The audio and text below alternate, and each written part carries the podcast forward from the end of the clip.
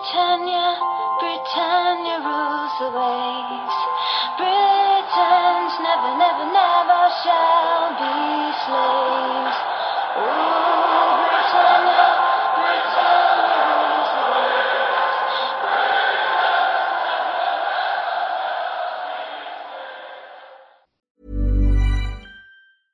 Hey, I'm Ryan Reynolds. Recently, I asked Mint Mobile's legal team if big wireless companies are allowed to raise prices due to inflation. They said yes. And then when I asked if raising prices technically violates those onerous two year contracts, they said, What the f are you talking about, you insane Hollywood ass? So to recap, we're cutting the price of Mint Unlimited from $30 a month to just $15 a month. Give it a try at mintmobile.com slash switch. $45 upfront for three months plus taxes and fees. Promo for new customers for limited time. Unlimited more than 40 gigabytes per month. Slows. Full terms at mintmobile.com.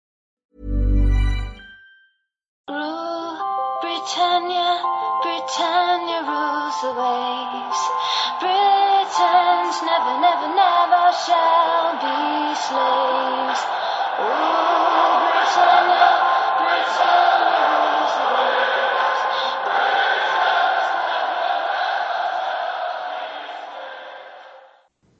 Hej och välkomna till Svenska FBL-podden avsnitt 108. Vi ska gå in inför Double Game Week 25 och vi spelar in en Champions League-kväll tisdagen den 16 februari. Champions League är nu tillbaka. Agenda för dagens avsnitt. Vi kommer köra en laggenomgång från Game Week 24. Vi uppdaterar våra rekommendationer, har en kaptensdiskussion för Game Week 25 och avslutar med era lyssnarfrågor. Stort tack till Olka Sportresor, Unisportstore.se och Glenn Sportsbar. Och eh, med det så hälsar jag Fredrik välkommen. Vi får klara oss utan Stefan idag. Yes, men vi ska väl rodda det här du och jag. Ja, men det, det ska vi göra. Och eh, du kan börja med City Spurs och City ångar på 3-0. Ja, de gör ju det, vilken, vilken kross det var. Och bortser man från det där eh, stolpskottet på frisparken som Kane hade så, så var ju det här i det närmaste en överkörning tycker jag. Eh, såklart Gündogan gånger två. Det är väl liksom, börjar nästan bli löjligt hur mycket straffad man blir när man går utan honom. Eh, och är man en eh, fullkomlig fantasy-idiot som jag och inte haft honom i, i bygget en enda gameweek, då är man väldigt, väldigt straffad. Eh, så det är frågan om det är liksom för sent att lära sig eller om man Ja, det återstår att se hur man ska göra med det där. Man ska plocka in honom kanske till slut, svälja stoltheten. Eh, nu kliver han ju av eh, den här matchen eh, i eh, 69 där, tar sig lite åt ljumsken. Men Pep var väl ute och sa det att eh, det var ingen jättefara. Han, förmodligen så missar han eh, eh Citys andra match här i Game Week 24 eh, mot Everton. Men jag gissar ju att han är, är tillbaka här redan om ja, till, till, eh, till helgen. Eh, kikar vi lite mer på, på just City då, så, så får de en straff och då var det nog fler än jag som var väldigt spänd på att se vem som skulle slå den här straffen. Eh, och jag tror att det var en ganska kollektiv besvikelsesuck när man insåg att det var Rodri som höll i bollen av alla människor. Eh, på ett sätt var det ju skönt att det inte var någon av de eh, lite högre ägda som man inte själv har men jag tror många satt och hoppades på eh, på en Gündogan eller på en, på en Sterling. Eller på en Foden för den delen. Vi får väl se. Eh, på kommentarerna efteråt så lät det ju inte som att Rodri är någon given eh, straffskytt här framåt. Så att, ja, frågan är väl inte eh, om, frågan är ju när City får sin nästa straff och då ska det bli väldigt spännande att se. Det kanske är så att Kevin De Bruyne är tillbaka då eh, och eh, tar bollen och, och eh, återtar straffarna. Det skulle ju göra honom ännu mer intressant. Eh, just De Bruyne har vi sett nu är tillbaka i full träning med laget. Så det är väl bara en tidsfråga innan man börjar eh, mjuka tillbaka honom in här. Så att kanske lite väl tidigt till Game Week 25 men framåt Game Week 26 där så tror jag nog att vi kan få se en De Bruyne tillbaka på planen. Eh, kikar vi lite på schemat så eh, är det ju två hängmatcher för City som det gäller att hålla koll på. Eh, och här gäller det liksom lite att positionera sig rätt så att man sitter med bra täckning men även möjligheten att kunna växla in en De Bruyne till exempel. Och, hur gör man det då? Ja, alltså eh, Sterling kan ju vara ett sätt eh, att rulla med så länge. Och då är det ganska enkelt att göra det raka bytet till en De Bruyne. tillsammans med en Gündogan och en Cancelo så skulle det kunna vara en, en, en trea från City helt enkelt. Eh, kikar vi lite på Spurs så är de ju ganska bleka som sagt. De har Keynes eh, frispark där i, i stolpen. Eh, kika på det här bonuspoängsystemet för att, för att kunna ta bonuspoäng och i matchen så är alltså Davinson Sanchez den eh, Spurs-spelare som uppnår flest eh, såna här bonusgrundande poäng. Han når 14 stycken. Eh, och, och ja, det är ju så fruktansvärt uselt så det är ju, jag vet inte vad jag ska säga faktiskt. Det är, Spurs, de, eh, mm, och ändå så sitter man där och bara kommer att liksom trycka in både Son och Kane i bygget inför Game Week 26. Det, det talar ju lite för hur eh, komplext det här spelet är jämfört med verkligheten. För i verkligheten ser de fan inte bra ut alltså. Det ser tungt ut för Spurs. Men eh, vi får se när det börjar, när spelschemat lättar upp lite och det kanske kommer någon dubbelvecka och sådär. Samtidigt hade Keynes frispark gått in, då hade jag haft en return på honom trots att det hade sett illa ut och de förmodligen hade förlorat ändå. Det man ska säga om, om Spurs där är att de har tre hängmatcher. Eh, det är Southampton hemma och Villa och Fulham borta.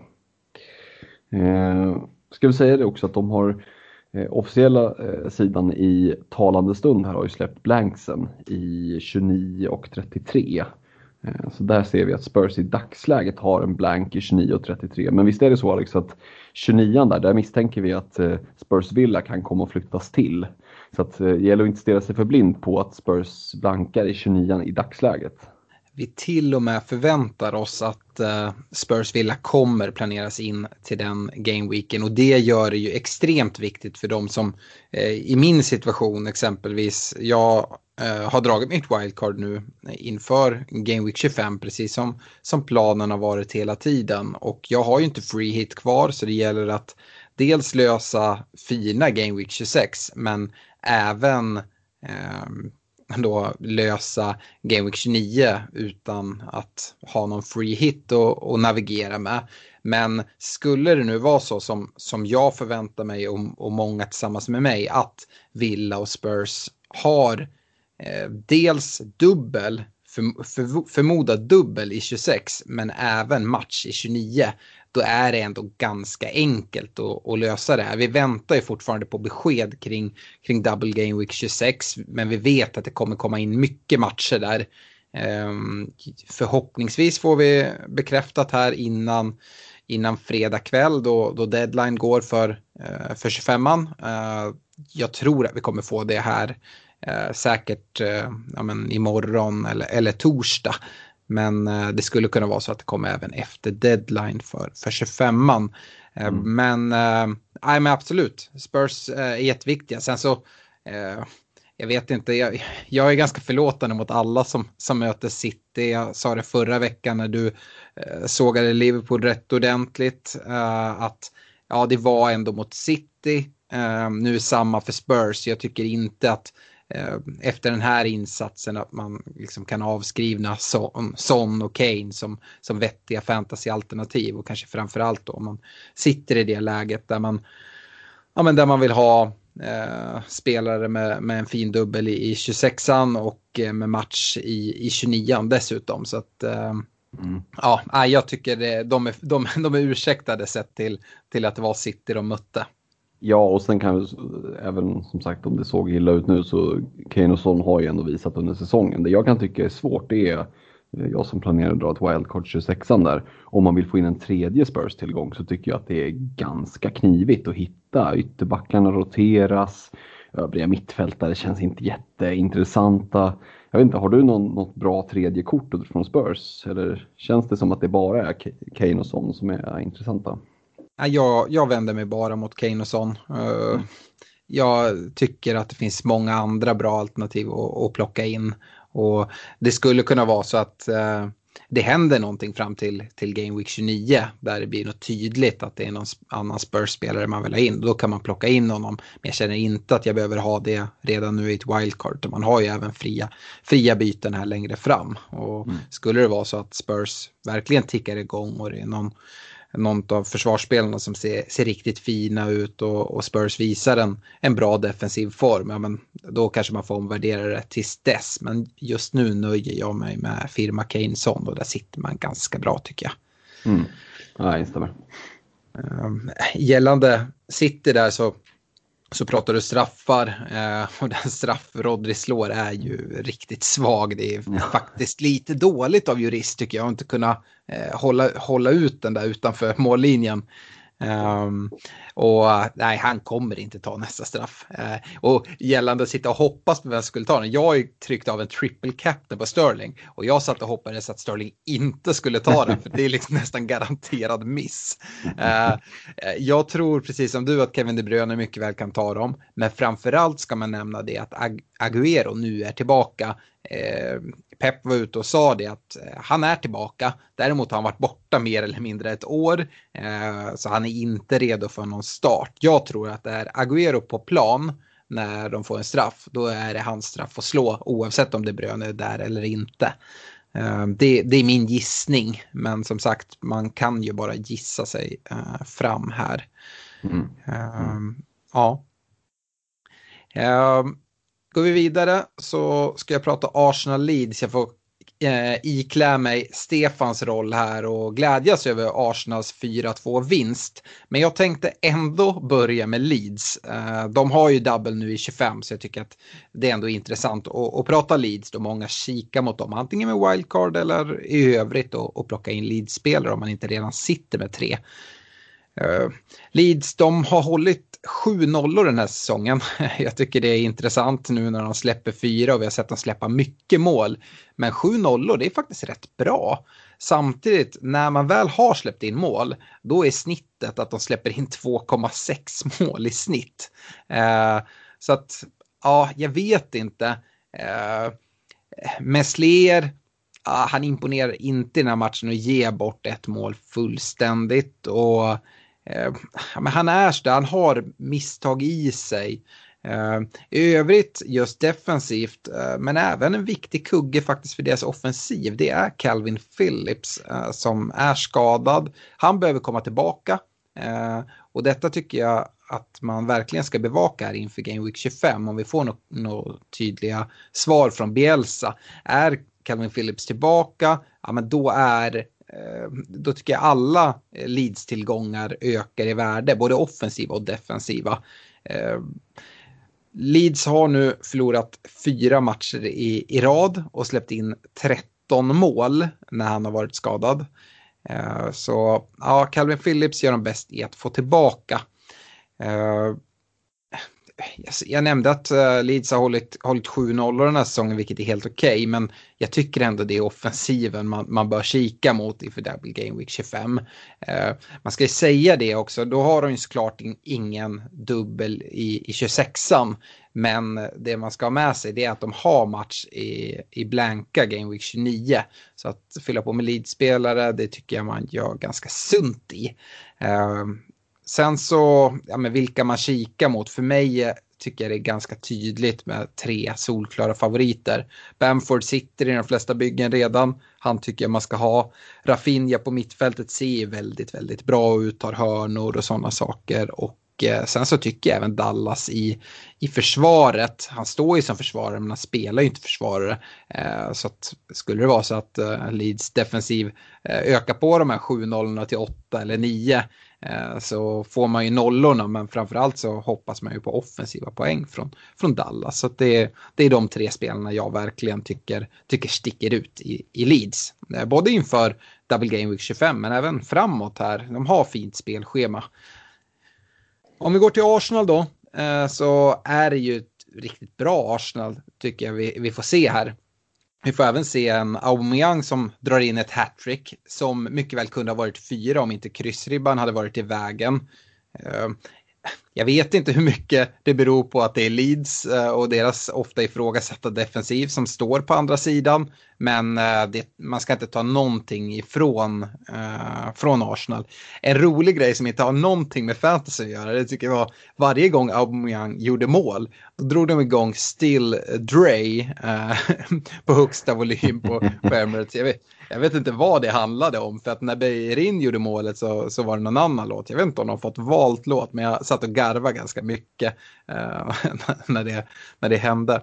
Eh, Aubameyang straffar väl ganska, ganska få eh, och det var nog ganska få som blev glada över hans mål dessutom för att han sitter i väldigt få lag. När vi inledde säsongen så var det många som hade höga förhoppningar på, på Aubameyang med eh, klassad som mittfältare och så. Men sen har det ju gått trögt både för Auba och, och Arsenal.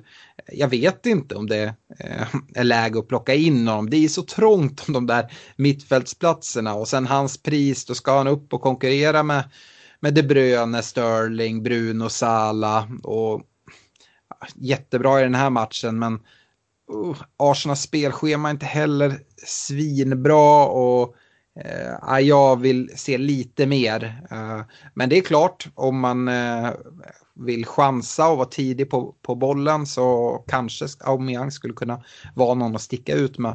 Eh, jag kollar kanske lite mer mot de som assisterar honom. de tre målen han gör assisteras av Smith Rowe, Saka och eh, Beirin som kanske kan vara mer av intresse.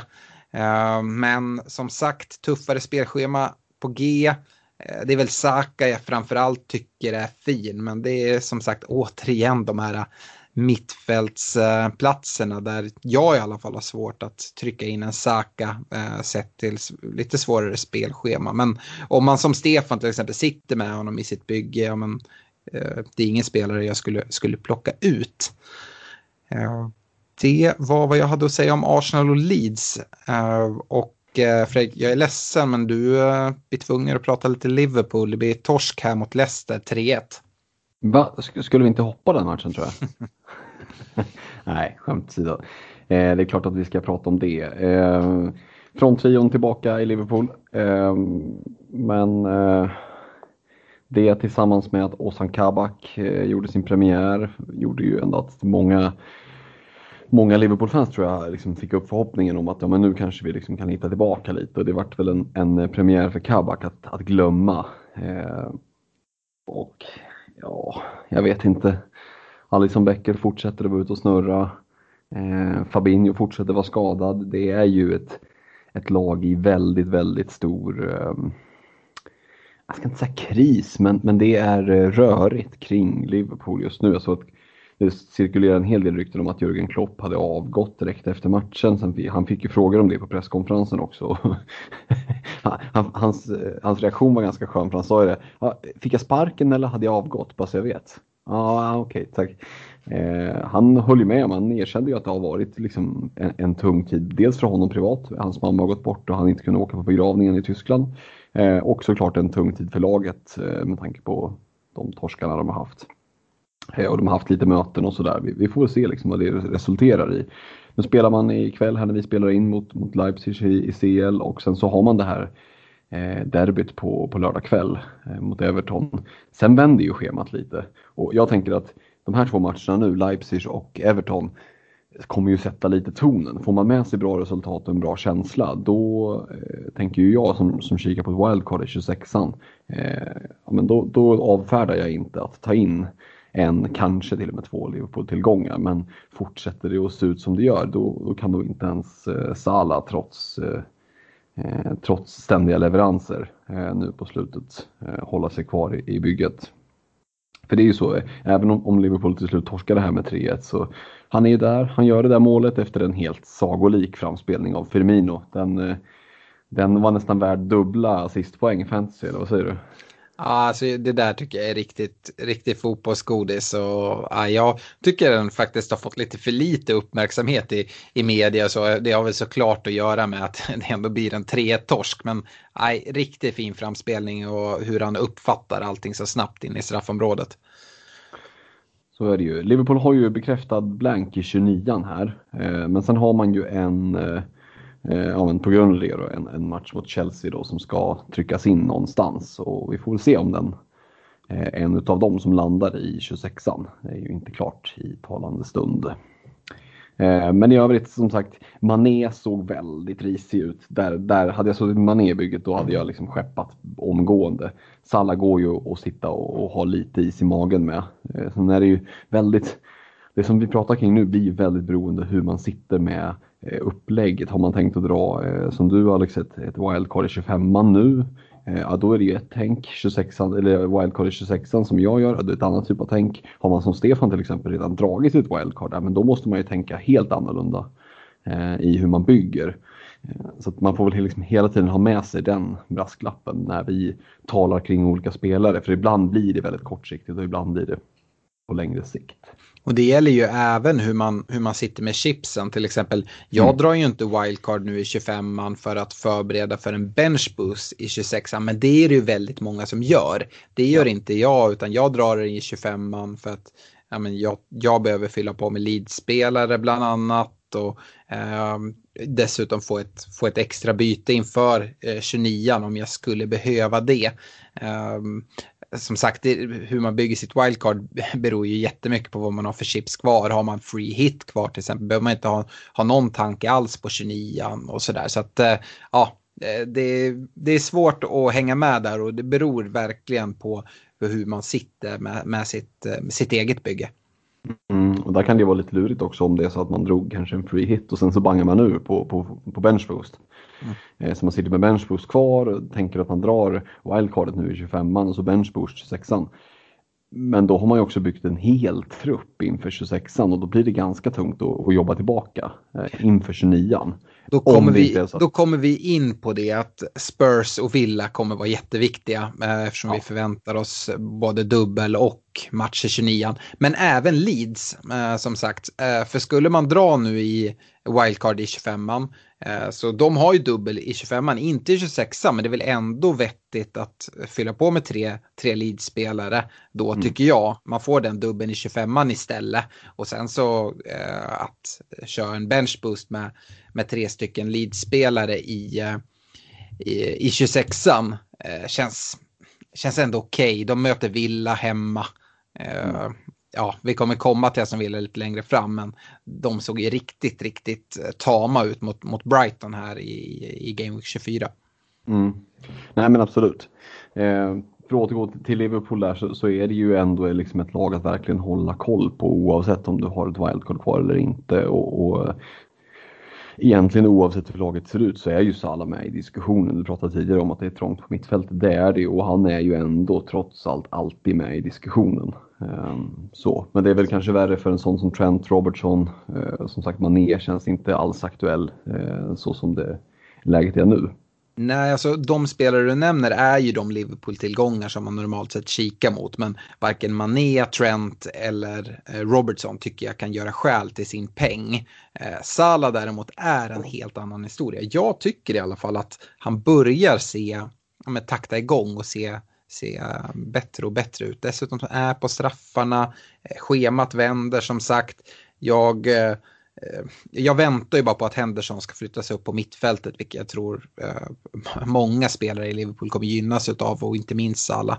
Eh, så eh, jag tycker det är svårt. Det är många som är så fram och tillbaka. Det är mycket pengar i en Sala. Samtidigt är det en spelare som jag känner mig ganska trygg i att sätta binden på nästan vilken vecka som helst. Även mm. trots att man har blivit besviken flera gånger den här säsongen då han har, har kommit med en del blanks när man har haft binden där. Men jag känner ändå att det är en ganska skön kaptens Eh, ett kaptensalternativ att ha. Eh, speciellt nu med, med schemat som vänder och, och bra matcher. Då ja, jag har inga betänkligheter på, på att sätta binden där. Nej men det är egentligen samma här och det är också det som gör honom väldigt liksom, attraktiv för bygget. Så. Mm. Eh, kikar vi lite på Leicester då kort så, så ja, men de spelar ju sitt kontringsspel.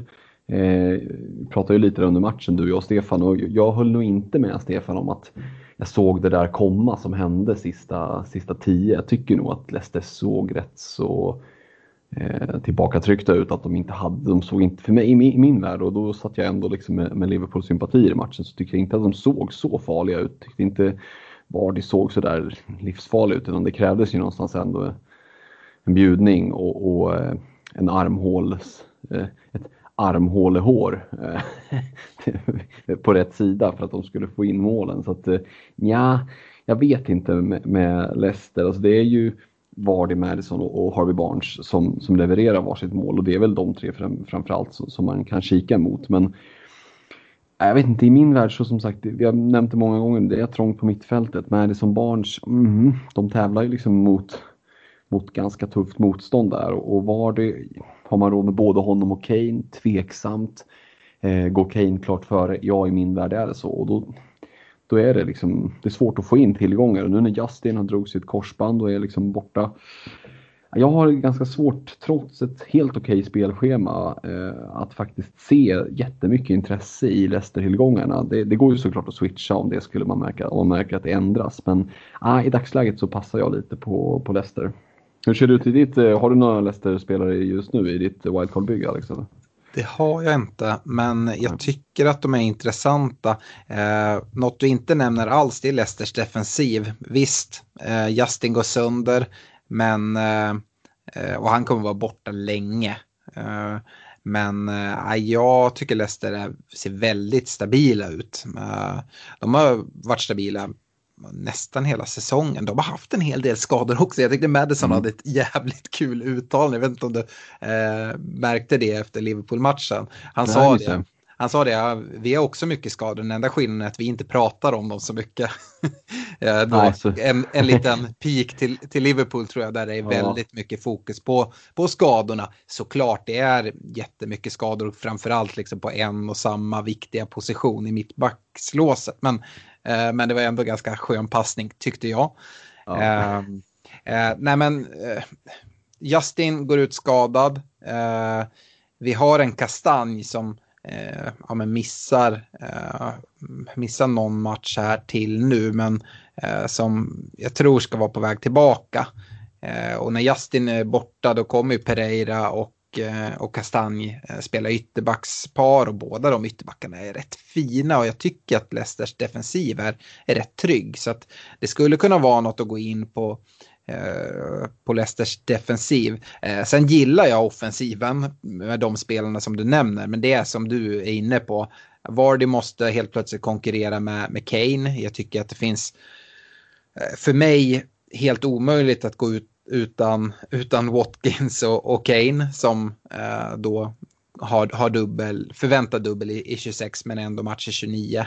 Eh, och dessutom en, en Bamford nu som har, har match i 29 och eh, ja, dubbel här i 25 och sådär. Så att jag får inte in någon Vardy och mittfältet, ja men herrejösses, det, det, är liksom, det, det, är så trångt där så att eh, Barnes och Madison, de får se hur fina ut de vill. Jag jag har andra spelare som, som går före som det är just nu.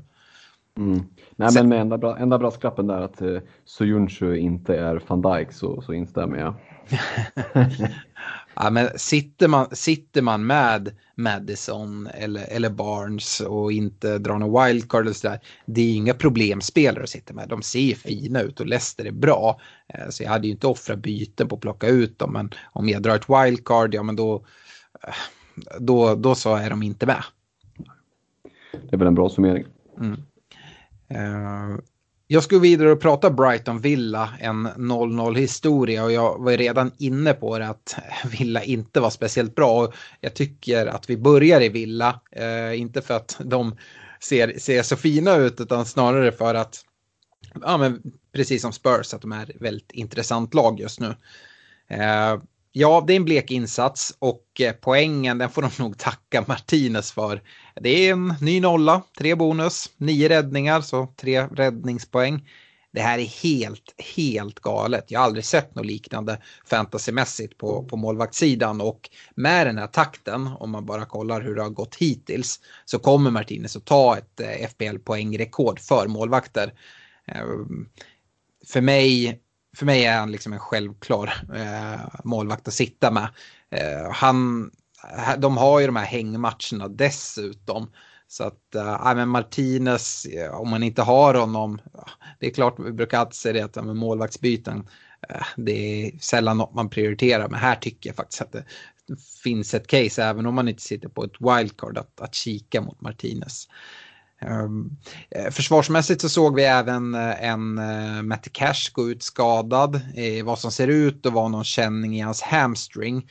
Vi får se hur allvarligt det är. Men skulle det vara så att han är borta ett tag så tycker jag ändå Villas defensiv ehm, har levererat. Och då har vi en billig spelare i El Mohammadi som kommer in prisad 4,3 Eh, om man vill komma in billigt och få täckning i Villas försvar. Men det kommer ju vara, om det inte är så att eh, Cash blir borta väldigt, väldigt länge så är det ju ett, ett byte som man kommer få förbereda sig på för att eh, det är ju Cash plats så fort han är tillbaka. Eh, ja, jag, jag, lämnar nog Villa där. Eh, det går inte att säga så mycket från den här matchen om Eh, Eh, om vilka spelare som imponerar mer än, än Martinez. Men, eh, ja, alla ni som lyssnar på den här podden vet ju min kärlek för en, eh, en Graylish. Eh, dock där, han är inte med i mitt, mitt eh, wildcard och det är på grund av den här trängseln på mittfältet. Eh, men annars finns det ju intressanta spelare i Watkins som jag varit inne på. En, en target i, i backlinjen som, som inte är skadad. Nu annars var det så här valet på om man skulle gå på cash eller target. Men det blir ganska enkelt för mig eh, just nu då.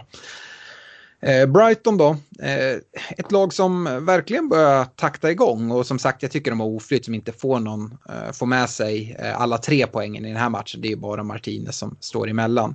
Nu har de gått sex matcher obesegrade i Premier League varav fem stycken nollor på de matcherna. Så defensiven är riktigt, riktigt bra. Eh, jag kollar direkt mot en Louis Dunk som Eh, är prisad 4,8, ägd av endast 4 procent. Det är tredje raka matchen med bonuspoäng för honom. Och eh, ja, Louis Dunk behöver inte vara en dum spelare att sitta på. Eh, kollar man spelschemat ser det riktigt bra ut. Eh, de har Palace hemma, West Bromwich borta, Leicester hemma, Southampton borta och Newcastle hemma kommande fem. Eh, vi vet redan nu att de inte kommer att ha en double game week i 26an men å andra sidan då så har de ju Newcastle hemma i den här blanka game weeken 29 så att Louis Dunk är en sån spelare som skulle kunna leta sig in i eh, antingen ett eh, wildcard-lag för mig nu i 25an eller en spelare som jag kanske kollar mot att, att ta in efter double game week 26 för att stärka upp mitt eh, uh, ja, men, uh, Game Week 29-lag. Eh, Uh, ja, det, det, är mina tankar kring, kring Brighton uh, och det är Dank jag kikar mot uh, i, i, i det laget. Fredrik, Southampton Wolves är en match som Wolves vänder på och vinner med 2-1. Mm, de gör ju det. och vi kanske ska börja Wolverhampton även om det kanske är Southampton som var, som var, eller är det mest intressanta laget. Men vi kan börja i, i Wolves och där blir väl liksom kommentaren ja. Trots att man gör två mål här så känns ju intresset sådär liksom eh, fesiummet.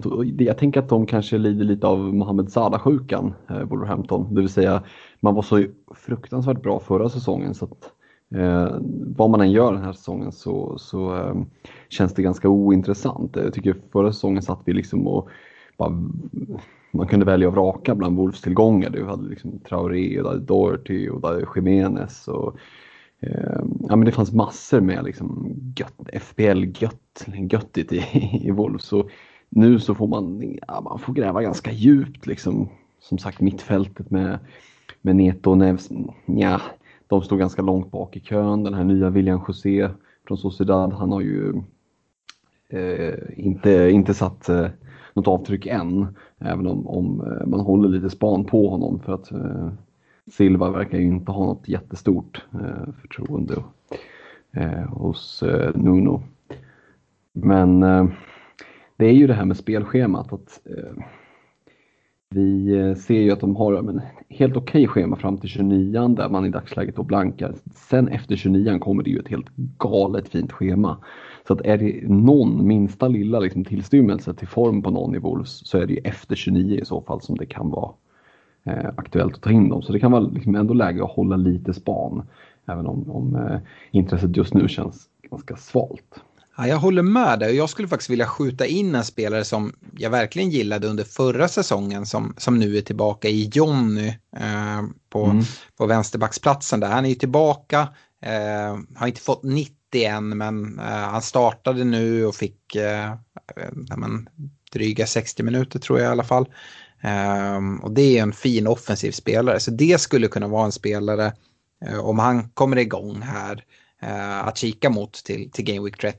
Då har man mm. li lite tid på sig att han får upp matchtempo och man, man får möjlighet att, att spana in honom lite, men det skulle kunna vara något. Ja men verkligen, och så ser man att han inte hinner dra någon baksida här när han varit borta Precis. länge för något strulande knä. Det var väl korsband han drog va? Um, det kan det nog ha varit, det var knät i alla fall. Mm. Eh, kikar vi Southampton då så eh, var ju backlinjen tillbaka i någon form av liksom, ursprunglig form och, det höll ju i 70 minuter i alla fall innan Walker Peters eh, gick sönder igen. Eh, och det var väl någon eh, ljumskskada, någon muskelskada där så det ser väl inte allt för bra ut. Hamstring. Ja, mm. där har du det. Eh, så han är väl borta ett tag. Eh, och, nej, jag vet inte.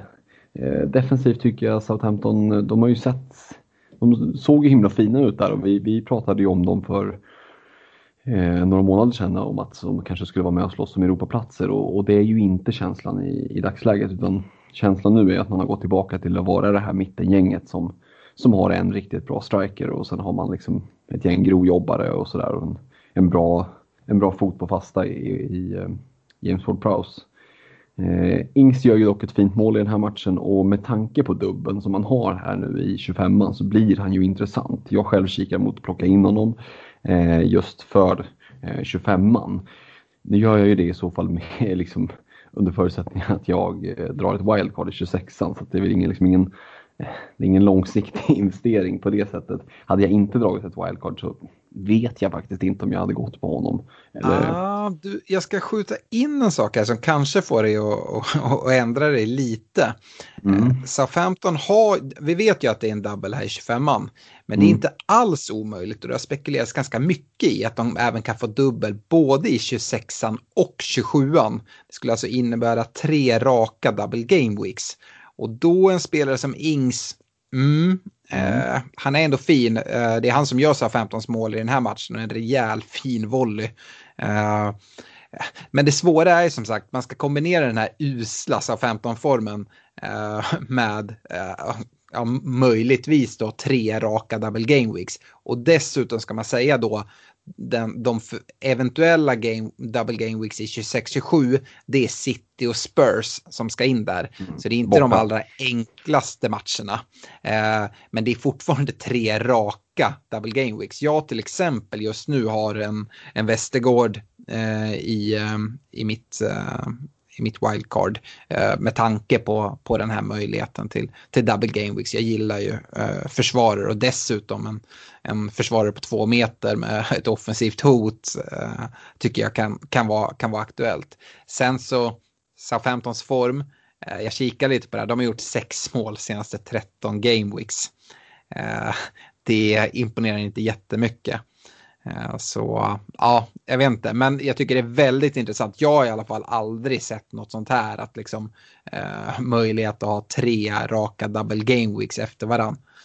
Nej, det, det vore ju spektakulärt och som sagt, även om det då är Spurs och City borta så är det klart, två matcher i en game week, det är alltid liksom ändå två möjligheter att... Eh... Att släppa in nio mål. ja, så kan man också se det. Eh, nej men och, och, det är väl framåt, förut, jag tycker du nämner Västergård där som är ett, ett, bra alternativ bakåt, men framåt så känns det som att det är Danny Ings det handlar om. Ja. Eh, speciellt nu, Shay Adams har ju varit lite bänkad till och från med, med Redmond in. Jag såg en Minamino som har lånats in från Liverpool, så där finns det lite mer rotation och, och det får man väl säga också att det blir det tre raka double game weeks, då blir det ganska tight mellan matcherna. Då kommer vi att se en hel del rotation i ja. laget. Eh, och då kanske mittbacksalternativet är liksom, det kanske är där eh, man undviker rotationen. Eh, och målvaktssidan kanske? Ja, målvaktssidan. Liksom, men gå på en, en yttermittfältare, det känns ju, det känns ju väldigt risky till exempel. Ja, jag håller med. Mm. Eh, avslutningsvis ska vi lägga fokus på en match som jag gärna skulle vilja glömma. Det är West Bromwich mot Manchester United. Det är en 1-1 historia och och eh, det går att eh, tala hur mycket som helst om, eh, om domarprestationer och vars vara eller icke vara. United är helt, helt enkelt oförmögna att hålla nollor trots bra spelschema. Dock så tycker jag att en, en Luke Shaw fortsatt är intressant. Prisad 5,0 och ja, men, får, får assisten i den här matchen. Eh, och ja, men kollar man på så nu, det, är ju liksom, det går inte att känna igen från, eh, från de tidigare säsongerna. Eh, han såg ju riktigt fint ut, fin ut där innan hans brev, benbrott som han fick i, i Champions League mot, borta mot PSV tror jag det var för ett gäng år sedan. Men nu, det är, Shaw är riktigt, riktigt fin. Eh, ingen annan spelare, och då pratar inte jag försvarare utan då kan vi ta med liksom mittfältare och de här eh, gubbarna, har faktiskt skapat fler chanser senaste åtta gameweeks än Luke Shaw, eh, 26 stycken. Eh, och Bruno Fernandes, hans eh, kollega i laget, är faktiskt den enda spelare i ligan som har skapat fler big chances under, under samma period. Jag tycker det säger ganska mycket för en, för en ytterback. Eh, så jag vet inte vad som har hänt med, med Shaw, men han är intressant och, och spelschemat är, är fortsatt, fortsatt bra för United. Eh, apropå Bruno som jag nämnde där så tycker det är läge att, att stanna upp lite. Nu gjorde han sin 38 match eh, i, i Premier League. Eh, och det är ju en full säsong då, även fast han inte har gjort en hel säsong. Så lägger man ihop förra och nu så kan man kolla lite. Um, gör man det så kan man se att det är 41 attacking returns, alltså mer än en per match. Eh, skulle man omsätta det till en säsong så hade det varit 295 poäng. Eh, och det är ju helt galna siffror. Eh, Salas rekord från 17 säsongen 17-18 som är också helt vansinnigt. Det är på 303 så det är bara 8 poäng bakom det. Ja, alla vet väl vad för spelare Bruno är och det är en fantasyspelare som Eh, tycker det är väldigt svårt att eh, förbise även om det är trångt där på, på mittfältet. Ehm, jag var inne lite förra veckan och pratade kring Pogbas skada och att det skulle Bruno dra fördel av. Jag ska säga det, det är Bruno som gör eh, Uniteds mål i den här matchen. En, en fin volley på inspel från, från, från Shaw på kanten. Men eh, om vi återgår till Pogbas skada så var jag inne på det att det är Bruno och Rashford som, som framförallt kommer dra, dra fördel av Pogbas skada. Sen kan det vara negativt för United att Pogba är borta då han, han har sett fin ut på senare tid. Men eh, det här att Rashford skulle dra nytta av det, det var ju att jag utgick från att Rashford då skulle få utgå från vänster som jag tycker är, men det är en jätteskillnad på Rashford när han utgår från hög, höger eller vänster. Men nu spelar Cavani uppe på topp, Martial petas ner på vänstersidan och Martial tycker jag är iskall verkligen. Och då får Rashford vara ute till höger och ja, men då är han inte bra. Uh, jag förstår inte, jag tycker att Mason Greenwood Eh, verkligen har börjat ticka till gång. Inte kanske så mycket poäng, men han ser riktigt, riktigt fin ut. Så att för mig är det liksom ganska tydligt att Martial kanske får sitta på bänken ett tag nu och att Rashford kan få utgå från sin favoritposition ut till vänster. Eh, Greenwood skrev på ett eh, nytt avtal med United här eh, idag tror jag det var. Eh, så att, eh, ja, jag hoppas verkligen att det blir liksom den solklara första första elvan och då är, det, Eh, då är Rashford intressant. Ehm, nu kommer Europaspelet igång även för United. Det är ju Europa League. Jag vet inte riktigt hur, hur United kommer prioritera det. Det är ganska tuff lottning mot ett uh, Real Sociedad uh, som kommer. Uh, men jag hoppas och tror att United inte ska lägga allt för mycket fokus på det där. vi får se. tar man sig vidare från den matchen Eh, och kommer lite längre in i turneringen kanske. Men just nu, ah, det, jag hoppas att det ska vara fullt fokus på, på ligan och, och FA-cupen.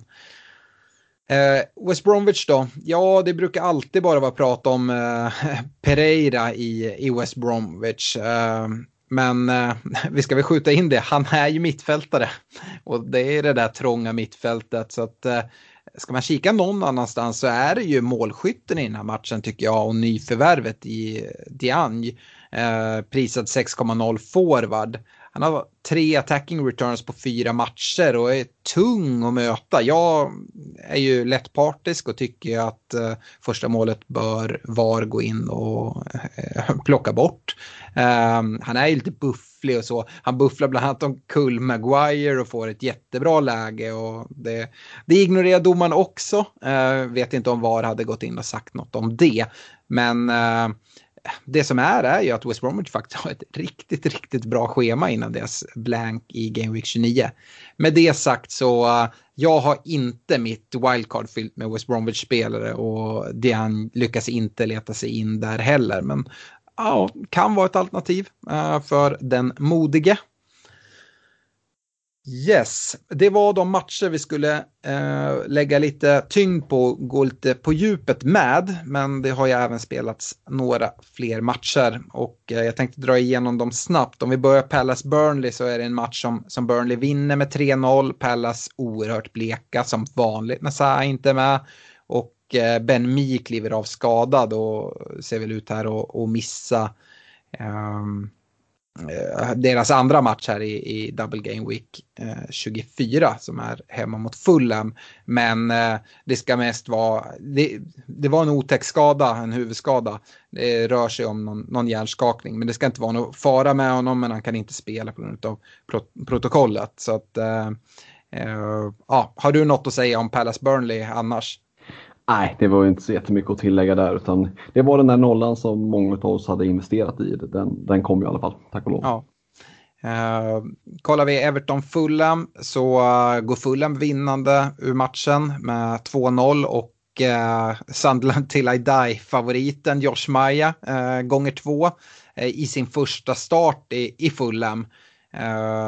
en till forward då kanske att hålla ögonen på men vill chansa och sticka ut. Uh, och kollar vi Everton så är det Calvert Lewin som eh, ser ut att missa båda matcherna den här Double Game Week. Uh, och eventuellt kan han vara tillbaka här till 25 Jag tror vi kan räkna med det i, uh, i Merseyside-derbyt. Uh, men uh, ja, jag vet inte, är det något att, att, säga om, om Everton där? De har ju även en match kvar i, i 25an uh, hemma mot Manchester City. Ja, men det blir intressant att se vad, vad de kan eh, ställa till med eller inte då. Eh, sen ser ju schemat rätt så lite så småtufft ut kan jag tycka. Eh, så att ja, nu med, med Calvert Lewins skada så får vi väl se när han är tillbaka men, men jag tror att det är många som kommer att skeppa honom. Och, och hans ägarandel till ESPN har ju sjunkit ganska rejält. Så att jag tror att den kommer att fortsätta neråt faktiskt. Yes. Uh, och med det så sjunker även priset på honom. Eh, ett annat lag som saknar en anfallare som är ganska högt ägd är West Ham. Eh, de vinner ju ändå med tre, klara 3-0 mot Sheffield men eh, Antonio missade matchen. Men han ska vara okej okay här till, till Game Week 25. Det var mer en försiktighetsåtgärd, säger Moyes. Eh, annars så får vi ju fortsätta lägga fokus på en Jesse Lingard som, som löser en straff här i matchen som Declan Rice faktiskt sätter dit. Vi får väl se om han är tilltänkt straffskytt här framöver. Moyes var ute och sa att Nobel är deras första, första straffskytt men då han är inte på plan så får man se. Eh, han sa inte att eh, Rice definitivt tar, tar nästa straff men det, det, var i alla fall en bättre slagen straff än en, en, en Rodri. Eh, även om Rodri satte den då för City. annars är det Cresswell som fortsätter vara helt, helt galen och leverera assist. den här assisten i den här matchen kommer från hörna och han är ju bra på fasta situationer men, men även i, i, i öppet spel.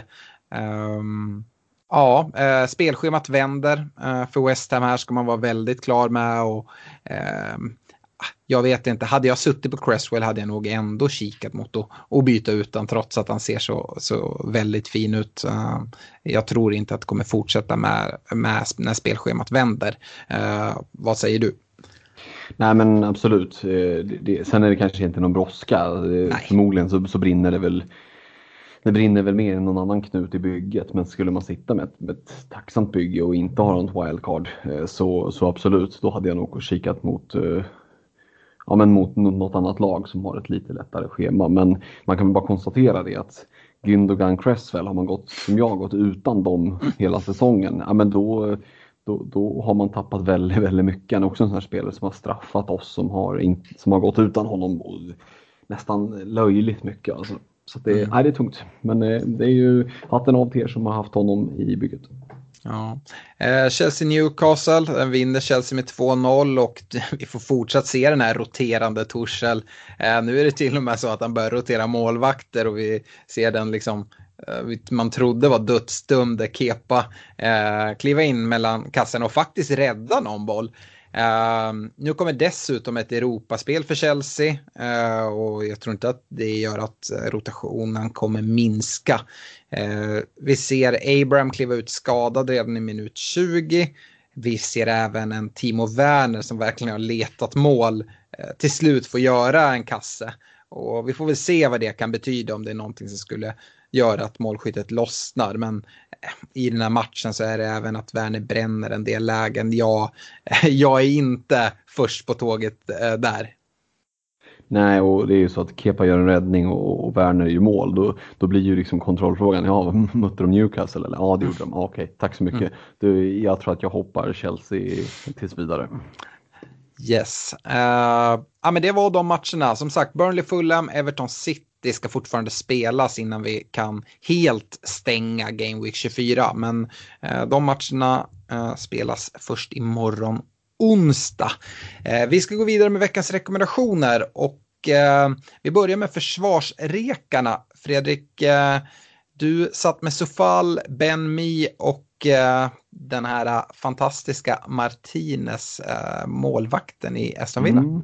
Mm, här blir det storstädning. Eh, men det, Martinez sitter ju lugnt kvar. Det, det, liksom, det, går ju inte att ta bort den reken i det här läget. Men däremot så och Mi eh, känns ganska naturligt att börja fasa ut nu. Och börjar vi med Sofaldo så ersätts han av eh, Cancelo i City. Jag tycker att det känns som, nu när många börjar kanske suttit på två eh, City-försvarare och antingen genom ett wildcard eller genom att man har roterat med lite vanliga byten så känns det mer och mer som att man börjar snegla på att vilja ha två City-mittfältare. Man kanske vill ha Gündogan och De Bruyne när han är tillbaka eller Gündogan Sterling eller Sterling De Bruyne om man vill chansa ordentligt. Um, så att uh, Cancelo kommer in istället för Sofall. Och sen Ben Mi får göra plats för en Dallas från Leeds. Jag tycker att det Leeds är ett eh, vettigt lag att investera i. Egentligen oavsett hur man har tänkt att spela. Ehm, så att eh, Dallas erbjuder bra värde för de pengarna. Ja, jag kan inte mycket annat än att hålla med. Jag, från förra veckan så satt jag redan med Cancelo och han är kvar. Jag hade också Ben Mi eh, och eh, han får såklart stryka på foten och jag ersätter han med Dallas precis som, som du plockar in. Sen satt jag med Luke Shaw förra veckan också och jag ser ingen anledning att plocka ut honom. United har eh, förmodligen en, en dubbel att vänta här i, i 26an också nej, som sagt, jag, i, i laggenomgången gick jag igenom Shaws statistik. Det är alltså ingen spelare i hela Premier League, oavsett position, som har skapat fler lägen än, än honom de senaste åtta gameweeksen. Så eh, Luke Shaw tycker jag man sitter väldigt, väldigt fint med. Eh, sen gillar jag din Martinez-rek, men jag är ju lite traditionell där och vill inte blanda in målvakter i mina försvarsrekar. Eh, mittfältet, eh, förra veckan hade jag en Son, Gündogan och Graylish där. Och eh, alltså jag gillar de här spelarna generellt. Eh, det är sådär, visst man skulle kunna fortsätta trycka in leadspelare. Jag vet att du hade Rafinha från, från förra veckan och han skulle absolut eh, verkligen rekommendera att man har här inför Double Game Week 25. Men jag har inte mage att stryka eh, någon av dem eh, som sitter där, även fast det finns vissa alternativ som kanske är, är, är, ehm, är minst lika bra som, som Son, Gündogan och Graylish. Så, eh, det enda man kan eh, sätta ett litet frågetecken på då, det är väl ändå Gündogan. Eh, inte någonting sett till hur han har spelat och sådär och han såg ju rätt fin ut Eh, även precis innan De Bruyne gick sönder. Men det är hans, hans roll, hur den kommer påverkas när, när De Bruyne kommer tillbaka. Och, eh, jag tror i alla fall inte att han kommer ha, ha straffarna.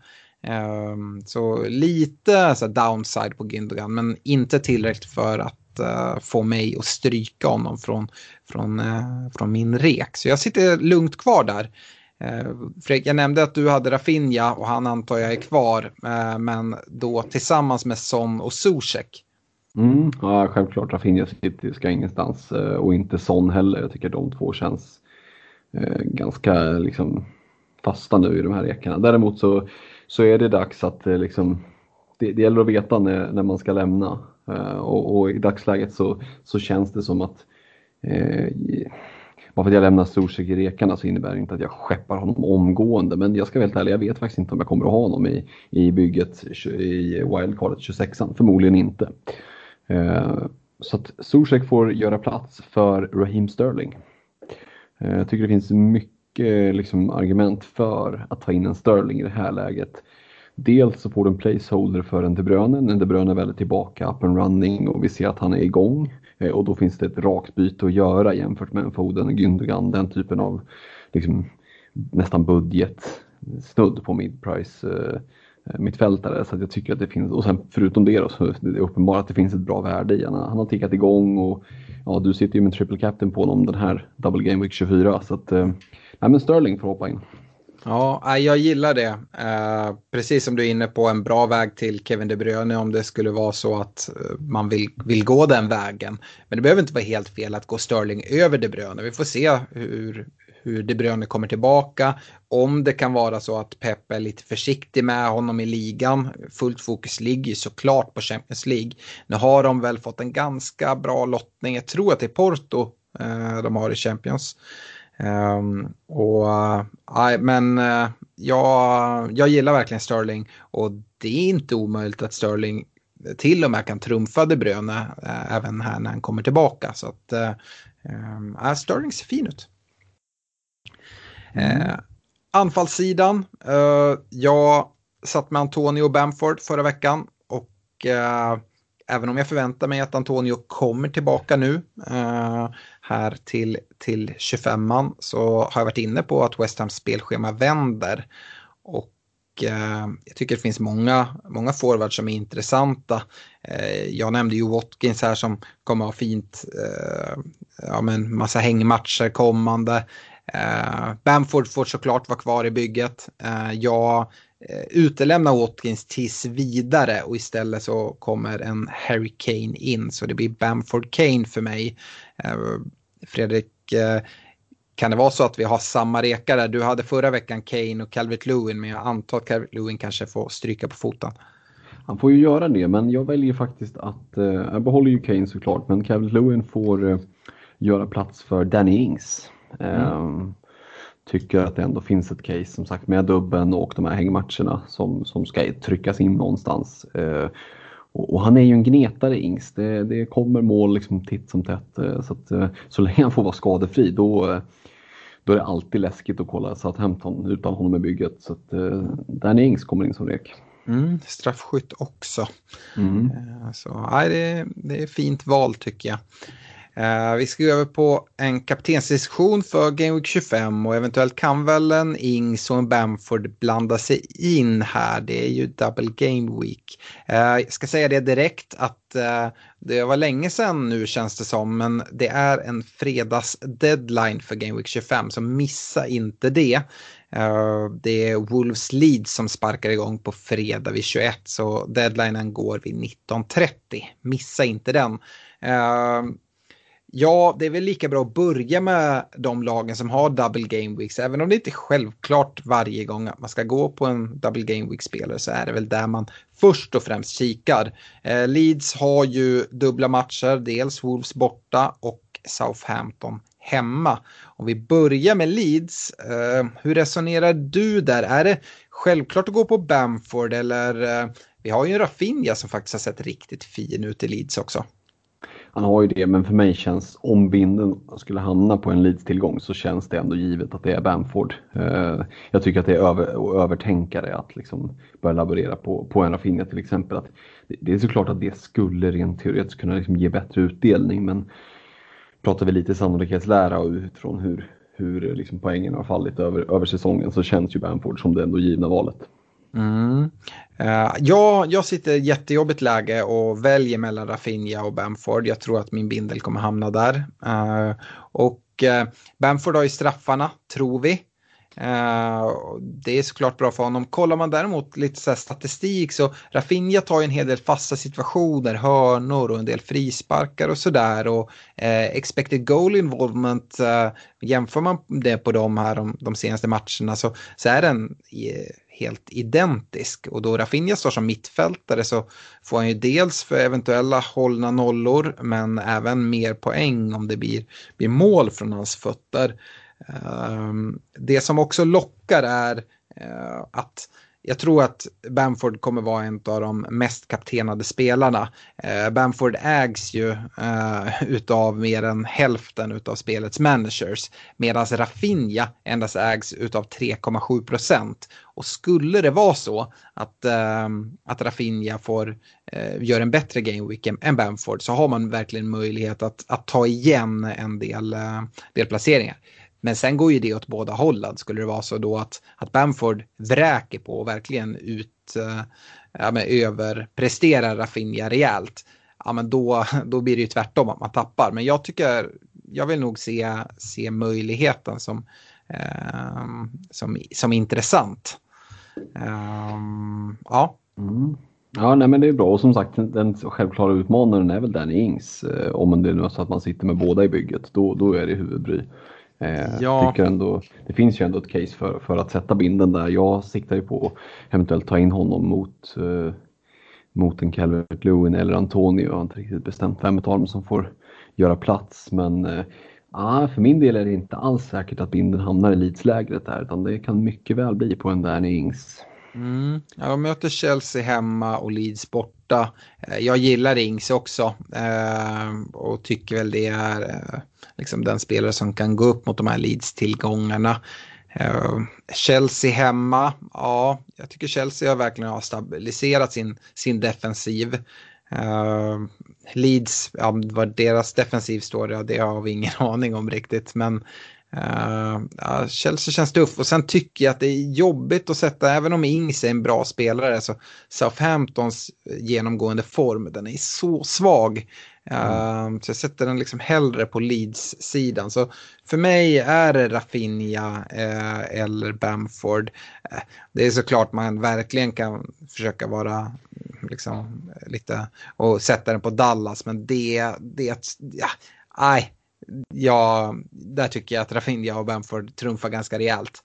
Mm. Uh, I övrigt i SA-15 finns det väl ingen spelare som, som kan konkurrera om någon bindel. Det är väl Ings. Jo men så är det ju absolut och för min del eh, som i dagsläget bara sitter på Bamford som tillgång och som kommer troligtvis då ta in Ings mm. så tycker jag att och egentligen kikar jag rakt över den som kan blanda sig i om det är så att man inte har känsla för någon av de här två eh, bindlarna. Då är det ju visserligen på hemmaplan, men det är ju ett, ett fruktansvärt uselt Newcastle som Bruno ska möta och, och, eh, det är ju inte så att man blir chockad om Bruno kommer ifrån, därifrån med typ två returns. Eh, 13-14 poäng. Eh, ingen kan ju säga att jag såg det inte komma utan den binden är ju, det kan ju faktiskt vara någon som, som sitter utan Leeds-tillgångar till exempel och utan Ings. Eh, och då mm. känns Bruno som den, den givna binden. Mm. Ja, Bruno gillar jag också. Uh, jag, jag går på Double Game Week-spelare men Bruno kan mycket väl få, få visa. Det ska jag säga, jag kommer inte sätta, sätta binden på, på en av Bamford och Rafinha och den andra får, uh, får visa utan jag vill ha den i två olika matcher. Så att uh, Eh, det kan mycket väl vara, vara så att en vice bindel hamnar på, på en Bruno. Kollar man på övriga eh, single game week-spelare som skulle kunna blanda sig i om man har en bra feeling. Så City ska alltid nämnas, de möter Arsenal borta. Eh, men för City spelar det egentligen ingen, ingen roll vilka man möter. Och ja, Jag kan absolut se, se poäng komma där. Jag är inte intresserad av någon bindel där. Sen har vi ett Merseyside-derby. Jag tycker att Salah har sett fin ut den binden, jag tycker Salah alltid är ett kaptensalternativ. Det var jag inne på tidigare. Tycker han har tickat igång. Derby, det är svårt att säga. Det kan bli målrikt, det kan bli 0-0. Ja, jag är inte där, mm. men ja. Det, det, ligger väl närmare till hands med det sistnämnda där. Jag tror att Everton kommer att krympa ytor och jag skulle förvåna mig otroligt mycket om, om eh, eh, Ancelotti som har ett väldigt, väldigt bra facit mot, eh, mot Liverpool. Dels från tiden i Napoli Eh, men även nu när han har tagit över Everton, eh, att han bjuder på ytor för Salah utan de kommer att riskminimera och spela tight. Och, och eh, skulle du spela den på bomben så är det liksom 0-1, 0-1 på båda lagen. Så att Salah känns eh, inte aktuell för mig, speciellt inte när, när Bruno har det, den matchen han har. Nej, jag, jag håller med. Jag håller Bruno högre än Salah. Men som jag har varit inne på tidigare, jag tycker att Salah alltid är ett vettigt uh, kaptensalternativ. Uh, så att uh, jag förstår om man ändå kikar mot det. Uh, och sista jag skulle vilja nämna i en single game week, det är ju Spurs. De möter West Ham borta. firma Kane som vi vet vad de kan ställa till med nu är jag verkligen nere och gräver för eh, som sagt, jag, jag tycker Leeds-grabbarna eh, Eh, står högst upp. Jag tycker att en Ings kan blanda sig in om man har honom och sen, sen är det Bruno av single game week som jag håller allra, allra högst. Men eh, jag vill ändå eh, prata lite olika alternativ och jag har förståelse om man går på någon, någon annan. Ja, och nu börjar vi också komma så pass långt i säsongen, det här med miniligor och head-to-head matcher. Eh, som, som blir aktuellt på ett annat sätt och då kan det ju vara så att man liksom Ah, man ligger inte så superbra till overall rank men man har en miniliga där man slåss mot, mot en jäkel och, och det, kanske, det kanske är liksom lite Dineros i, i, spel också. Eh, och då så ser man att ja, men den personen sitter ju helt utan eh, någon tillgång som man själv har. men Då väljer man att gå på den istället. Så, så det, det, blir en lite annan typ av tänk för många nu att, som inte bara spelar liksom overall rank utan även de här miniligorna och då, då kan ju de här lite mer udda kaptensvalen bli aktuella. Yes. Är du redo för lite lyssnarfrågor? Ja men shoot, bring them on. Eh, Andreas Melin ah, skriver så här. Hans plan har hela tiden varit att spela wildcard här till Game Week 25 och eh, han sitter med benchbus kvar och då dra den till Game Week 26. Eh, däremot så skriver han det att han har aldrig varit så här nöjd med sitt lag som han är just nu eh, och har säsongens bästa overall rank och undrar om han ändå ska följa sin ursprungliga plan. Eh, ja, det är lite klurigt. vad, vad säger du Fredrik? Ja, men det beror lite på hur han menar med att han aldrig varit så nöjd med sitt lag. Jag menar att han aldrig har varit så nöjd med sitt lag hur mycket poäng de har dragit in nu senaste gameweekserna. Men det är väl en sak. Men, eh, då tycker jag fortfarande liksom att det finns en, ett case för att dra wildcardet. För det, det, som är intressant är hur ser det ut de närmsta 3-4 omgångarna framåt. Är det för de matcherna han är otroligt nöjd med sitt lag? Nej, men då kan det ju finnas ett ett case för att eh, spara wildcardet och ändå spela bench boost i, i 26an om han nu är så nöjd med det laget han har. Eh, men eh, jag vet inte, jag är ju en fan av att följa den upplagda planen ändå. Det finns en anledning till varför man i grund och botten, i grund och botten har satt den planen. Mm. Men som sagt, det beror lite på hur han, hur han menar att han är nöjd med laget. Jag vet inte, vad säger mm. du? Jo, nej, men du är ju helt klart inne på någonting där. Hur, är det så att han är jättenöjd med hur laget är uppsatt både för 25an och 26an och så, ja men då finns det såklart ingen anledning att dra ett wildcard. Jag håller med dig, har man en plan, gå på den, men sen måste man ändå vara liksom klok och se att ja, men, även om du har haft en plan, saker kan ändras och då eh, ska man inte vara allt för stelbent, man måste kunna lämna en sån plan också. Eh, Sen så vill jag verkligen säga det med den här benchbussen, det har vi varit inne på tidigare. Ehm, det är väldigt vanligt att man kikar på att dra ett wildcard för att liksom verkligen maxa sin benchboost. Jag börjar mer och mer gå mot det att alltså wildcard är ett så starkt chip uh, som inte bara ska nyttjas för liksom, kommande game week och en benchboost. Uh, så att jag tycker inte alls att det är nödvändigt att ha Eh, 15 stycken dubbelspelare vid en benchboost. Jag, jag hade prioriterat eh, att ha eh, dubbla målvakter som har, har double game weeks. Eh, det hade jag gjort i det här fallet. Förmodligen kanske Martinez och en eh, eh Sanchez. I, eh, nej, Brighton har inte dubbel. Men, eh, säg att du har en Juris och en Martinez, man lägger mycket pengar där. Det, det kan ändå vara värt det ehm, och eh, liksom ha en bra, en bra eh, dubbelmålis där. Men hade jag dragit wildcard i 25an och ändå planerat att dra en benchboost i 26an, det är inte så att jag hade eh, inte haft leadspelare nu som har dubbel i 25an. Så jag hade nog tagit, precis som jag gör nu, tre, tre leadspelare i, i Dallas, Bamford och Rafinha. Det är dessutom billiga spelare som gör att man kan lägga, lägga pengar på, på andra ställen. Um, så uh, oavsett om du drar wildcard eller inte, stirra inte allt för blind på att alla de här spelarna du plockar in i wildcard ska ha dubbel i 26an. Det tror jag i så fall är lite att skjuta sig i foten. Um, så ja, får se vad, vad du gör där Andreas, men uh, du, eh, du får känna efter lite själv. Det beror lite på vad du menar med att du aldrig har varit så nöjd med ditt lag. Eh, det är såklart skönt att ha kvar sitt wildcard eh, och kunna dra det senare. Han skriver ju att han har benchboost kvar men vill inte ha en free hit så han kan nyttja det i 29 annars blir det ju bygger han upp då för för benchboosten i 26an stenhårt så kommer det kunna bli lite halvmäckigt med, med 29an. Uh, yes. Uh, ja, uh, Henrik Jonsson är också inne på det här undrar om det är bästa tillfället att utnyttja sitt wildcard för att få till en bra benchboost i 26an och undrar om Game Week 26 är den sista stora dubbla omgången. Uh, Ja, alltså jag tror inte vi kommer ha någon lika stor dubbel kvar som kommer nu. Sen som sagt behöver inte Eh, du behöver inte ha lag eh, för att dra benchboost tycker jag eh, med bara massa dubbelspelare. Har du en bra bänk så kan det mycket väl vara läge. Jag vet att både du och jag Fredrik har suttit med några, några game weeks med rejäla liksom bänkscorer.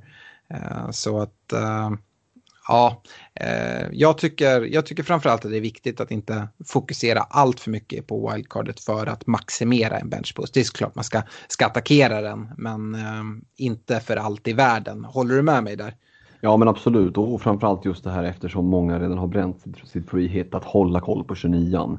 I dagsläget är det bara tre matcher men vi tror att det kanske kommer att komma eh, någon mer där med, med Spurs Villa eventuellt. Så att, håll koll på 29an och det måste du välja mellan liksom att maxa dubbel, eh, dubbelmatcher i 26an kontra täcka 29an så är täcka 29an ändå viktigare för du kan fortfarande få eh, spelare som, som har eh, match i 29an som ändå har en okej okay match i 26an.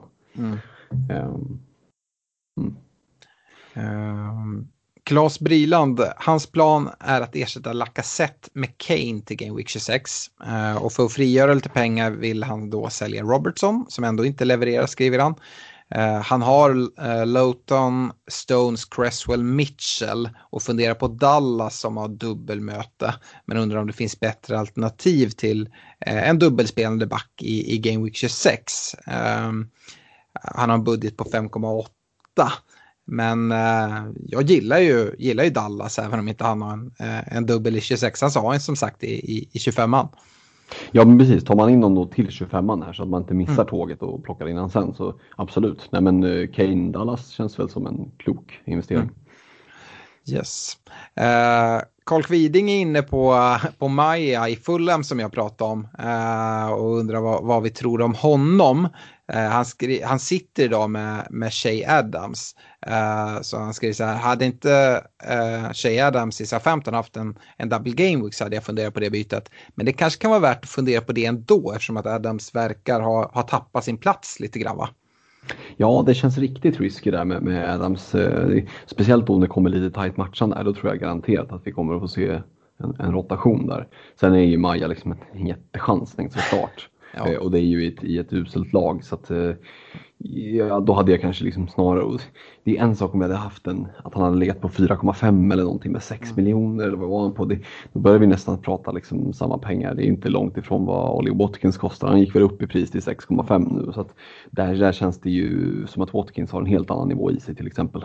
Ja, jag håller med och som sagt, eh, även om SA-15 inte var superbra mot, mot Wolverhampton och torskade matchen så tycker jag faktiskt att Redmond gjorde det riktigt bra och hade mycket väl kommit, kunnat komma iväg där med, med någon kasse eller så i den matchen. Så att eh, uh, Shadans plats är nog lite, lite lös så att det är nog inte helt galet att byta ut Adams. Uh, sen som sagt, om det är Maja som ska in eller inte, ja, jag lutar nog lite åt, åt uh, det som du är inne på där. Eh, apropå Southampton så Robert Jonsson skrev det, han, han tog in Ings inför den här omgången. Eh, men om inte Southampton får en dubbel i nästa är det värt att ta ut Ings då mot Kane. Eh, och ja, jag vet inte. Som sagt, jag var inne på det att eh, det kan mycket väl vara så att Southampton har, har dubbla i eh, både 25, 26 och 27. Mm, nej, men du, du, ska absolut inte ta ut Ings. Däremot kan du ta in Kane mot någon av de andra två anfallarna. Mm. Yes. Uh, ja, vi är inne på anfallssidan. Daniel Wickenberg undrar vem man byter Calvert Lewin mot. Uh, och han skriver själv att han precis har råd med Kane men funderar ändå på Ings och ställer dem mot varandra. Ja, men där tycker jag det beror helt på om man har tänkt att dra ett wildcard i 26 som jag till exempel. Uh, då, då känns det ju faktiskt väldigt, väldigt lockande att ta, gå på Ings före. Mm. Tycker jag, just med tanke på dubben. Och kanske även hur man sitter inför 29 där eftersom att eh, Kane förmodligen har matcher 29 och har man ingen, eh, ingen free hit eller någon vettig lösning på hur man ska lösa 29 så är ju Kane dels Kane eh, och en bra spelare men då också en spelare som kan lösa eh, 29 lite grann. Mm. Nej men precis, hade, har man planen att köra ett wildcard i 26 hade jag gått på, på Ings. Uh, har man inte wildcard, liksom, tänkt att spela wildcard eller har det kvar, då hade jag gått på Kane.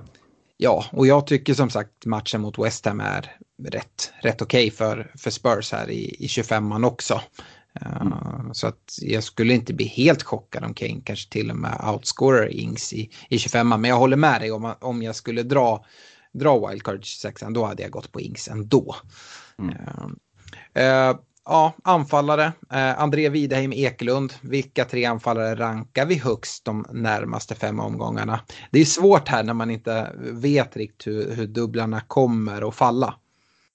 Ja, och, och, också väldigt mycket baserat på hur, vilket upplägg har man. Alltså jag mm. är ju så extremt fokuserad på det kortsiktiga nu. Eh, om jag jämför det med till exempel med med dig som sitter och har aktiverat wildcardet, det handlar ju om att tänka helt annorlunda. Mm. Långsiktigt på ett annat sätt. Men vi har ju varit inne på och, nämnt dem som, som är aktuella. Du har ju, det är väl inget fel att sitta med Watkins, uh, Ings och Kane. Mm. Och som sagt, Bamford tycker jag man kan kasta in där också för att dels såklart. ha 25 man och sen så en lösning där han har match för 29 Det handlar mycket om det. Han frågar ju om kommande fem omgångar och då inkluderas ju Game Week 29. Ja, det är sant. Det är, sant. Det, det är liksom sådär, ja men vad sitter du med för chips? Har du ändå tänkt dra en free hit då, ja men då behöver du liksom inte fundera på det alls. Om du inte har det, ja men då blir ju som sagt de här spelarna vi är inne på i i Bamford, i Kane, i Watkins som vi förväntar liksom har, har matcher där och dessutom dubblar. Eh, det är liksom svårt att bortse ifrån och samtidigt har vi en Ings då som eventuellt kan sitta med liksom tre raka double game weeks.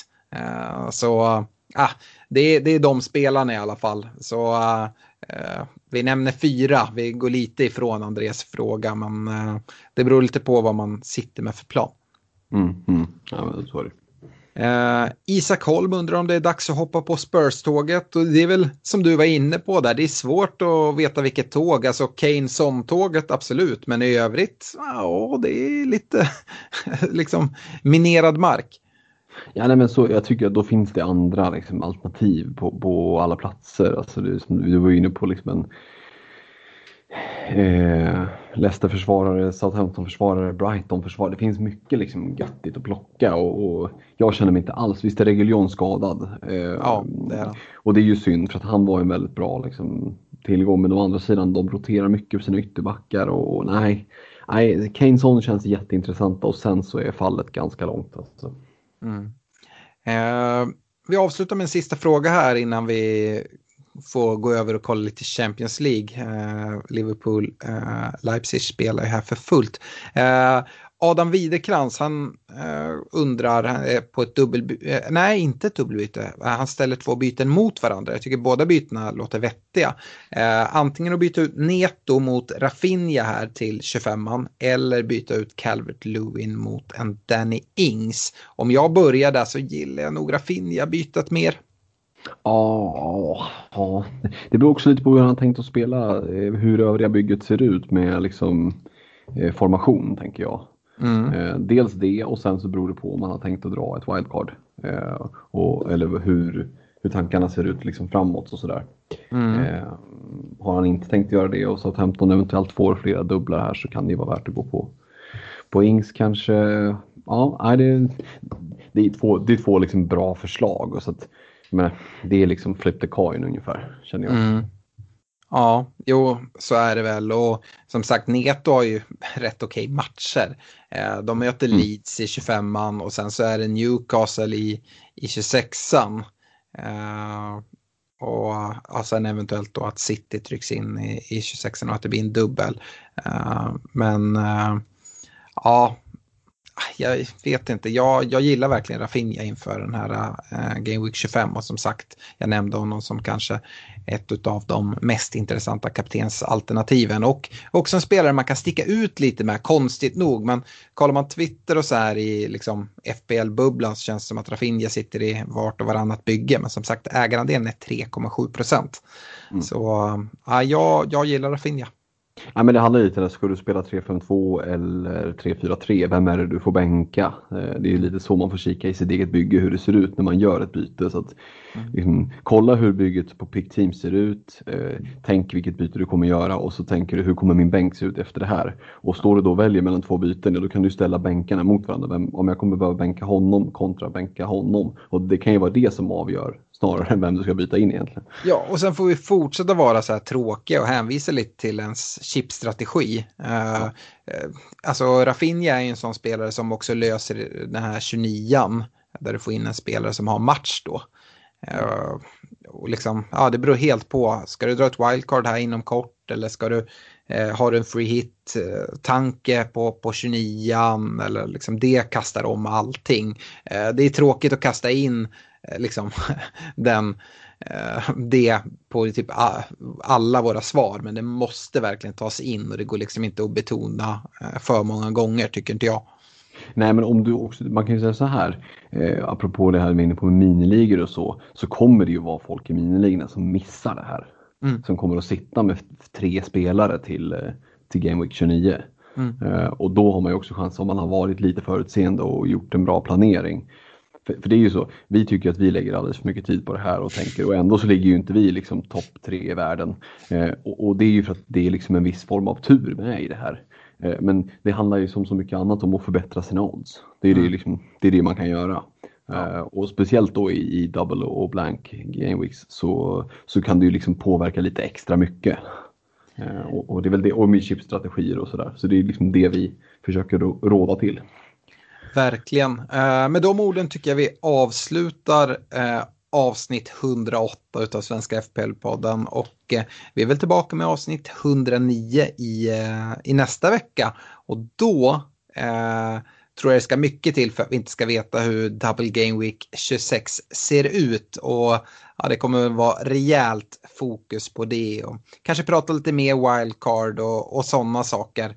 Eh, stort tack för att ni har lyssnat den här veckan. Och Eh, på återhörande. Ha det gott, tja!